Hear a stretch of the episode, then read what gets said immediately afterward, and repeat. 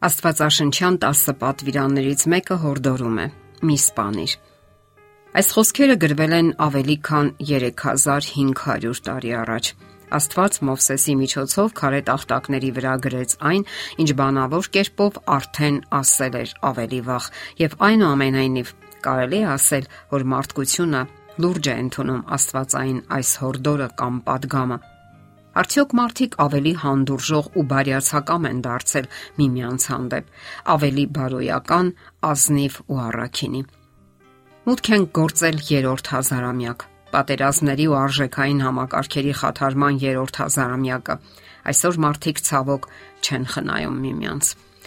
Մինչ բոլորը սիրում են խոսել առաջընթացից եւ համամարտկային զարգացումից, փաստերն ու ներկա իրավիճակը միանգամայն այլ բան են ապացուցում։ Սարսափեցնում է սպանությունների ու բռնությունների քանակը, որակը։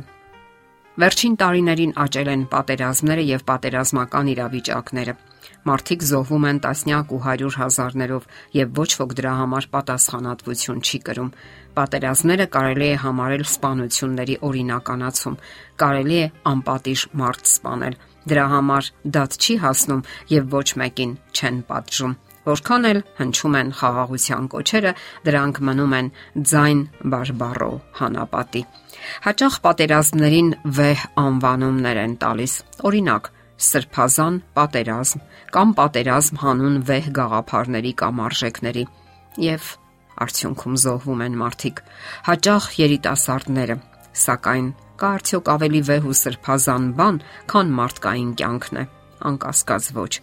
Աստծո համար գերագույն արժեքը եղել եւ մնում է մարդկային կյանքը։ Հանուն մարդու փրկության եւ հավերժական կյանքի հնարավորության Քրիստոսը մահացավ խաչի վրա։ Իսկ սպանությունը ինչ ձևով էլ որ այն լինի, համարվում է մեղք ու չարիք։ Հին հռոմեական կայսրությունում գլադիատորական մարտեր էին կազմակերպում հանուն ամբողջի զվարճության, եւ մարտիկները սպանում էին միմյանց հենց այդ ամբողջի աչքի առջև։ Անհամեմատ ավելի վատթար էին վարվում առաջին քրիստոնյաների հետ։ Նրանց սպանում էին տասնյակներով եւ հարյուրներով հենց ամբողջի աչքի առաջ, դարձյալ այդ արյունարբու ամբողջին զվարճացնելու համար։ Իսկ մարդկությունը սիրում է գեղեցիկ անվանումներ տալ սպանությանն ու արդարացնել այն։ Այսօր երրորդ հազարամյակի սկզբներին կարելի ասել, որ փոխվել է իրավիճակը։ Որոշակի առումով այո։ Ավելացել են սպանության եղանակները, ավելի են նրբացել։ Այսօր կարելի է սպանել թե հարվածելով եւ թե խոսքով։ Խոսքի հարվածները հաճախ ավելի խոցող են եւ մահացու, քան ֆիզիկական բռնությունը։ Հովանես Առաքյալը գրում է. Ամեն ոք, ով իր եղբորն ատում է, մարդասպան է, եւ գիտեք, որ ամեն մարդասպան իր մեջ հավիտենական կյանք ունի։ Աստծո խոսքի համաձայն ատելությունը նույնպես սպանություն է։ Իսկ որքան շատ մարդիկ են այսօր ատում միմյանց եւ իրենց ինքնավստահ քրիստոնյա են անվանում։ Սակայն ինքնախապեյությունը ամենավատ բաներից մեկն է եւ դա ոչ մի լավ բանի չի հանգեցնում։ Իսկ քրիստոնյան նա է, ով իր եղբորը չի ատում, այլ հարգում է եւ ընդունում նրան եւ ի վերջո նաեւ սիրում։ Սերը քրիստոնեական առաքինությունների կատարելությունն է։ Միայն այդ ձևով է ճանաչվում իրական քրիստոնյան։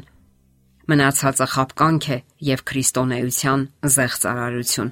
որով դարեր շարունակ փորձում են խაფել ու մոլորեսնել միմյանց։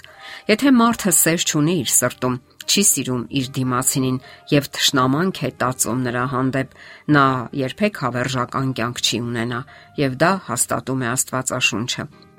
Հիշենք, որ սպանության վերաբերյալ մտքերը ամենից առաջ ծնվում, զարգանում ու աճում են մարդու գլխում։ Ատելությունը նույնպես մարդկային մտքերի մեջ է աճում ու զարգանում։ Եվ եթե տեղ տանք նման մտքերին, ապա երբեք հավերժական կյանքը չենք ժառանգի։ Մարդն իհարկե կարող է հուզվել անարթարություն տեսնելիս եւ նույնիսկ բարկանալ, սակայն երբ ամեն առիթով բարկանում են եւ սկսում վիրավորել կամ նվաստացնել մարդկանց, դրսեւորելով անզուսպ վարք, մենք պարզապես եղբայրասպան ենք։ Այսօր աշխարհում բռնություն է քարոզվում։ Այն ընդունել է ամենատարբեր ձևեր ուժեղ մարդու հերոսի գերմարթու կերպարը անթակույց քարոզվում է այսպես կոչված մշակույթի ստեղծագործություններում։ Այդպիսի հերոսները աչուձախ ոչնչացնում են մարդկանց եւ հերոսի դափնե պսակի արժանանում։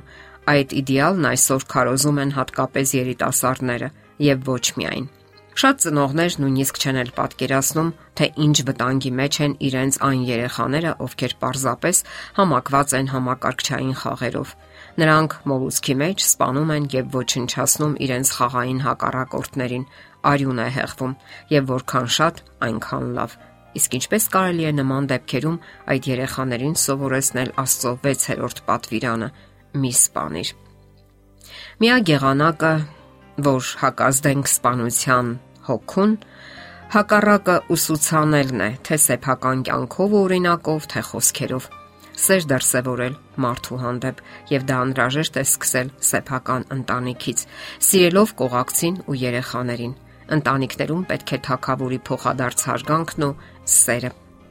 Ոչ մի վիրավորական, ոչ մի նվաստացնող բառ չպետք է դուրս թռչի ձեր բերանից, իսկ դա հնարավոր է։ Հովանես Առաքյալի ավետարանում կարդում ենք Հիսուսի խոսքերը.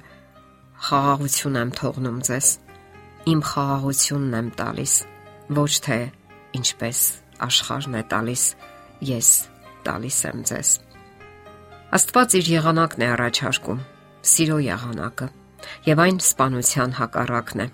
Եթե մենք սիրում ենք, երբեք չենք վիճաբանում, հասկանում ենք մարդուն իր ողջ հոգսերով եւ տարապանքներով։ Նա դառնում է մեր եղբայրակիցը, որի հետ ցանկանում ենք ապրել մեր երկրային կյանքը։ Իսկ միգուցե նաեւ հավերժական կյանքը։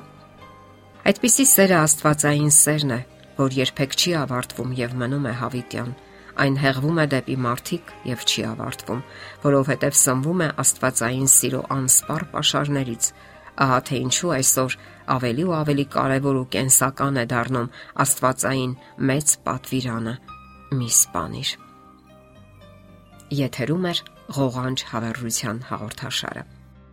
Հարցերի եւ առաջարկությունների համար զանգահարել 033 87 87 87 հեռախոսահամարով։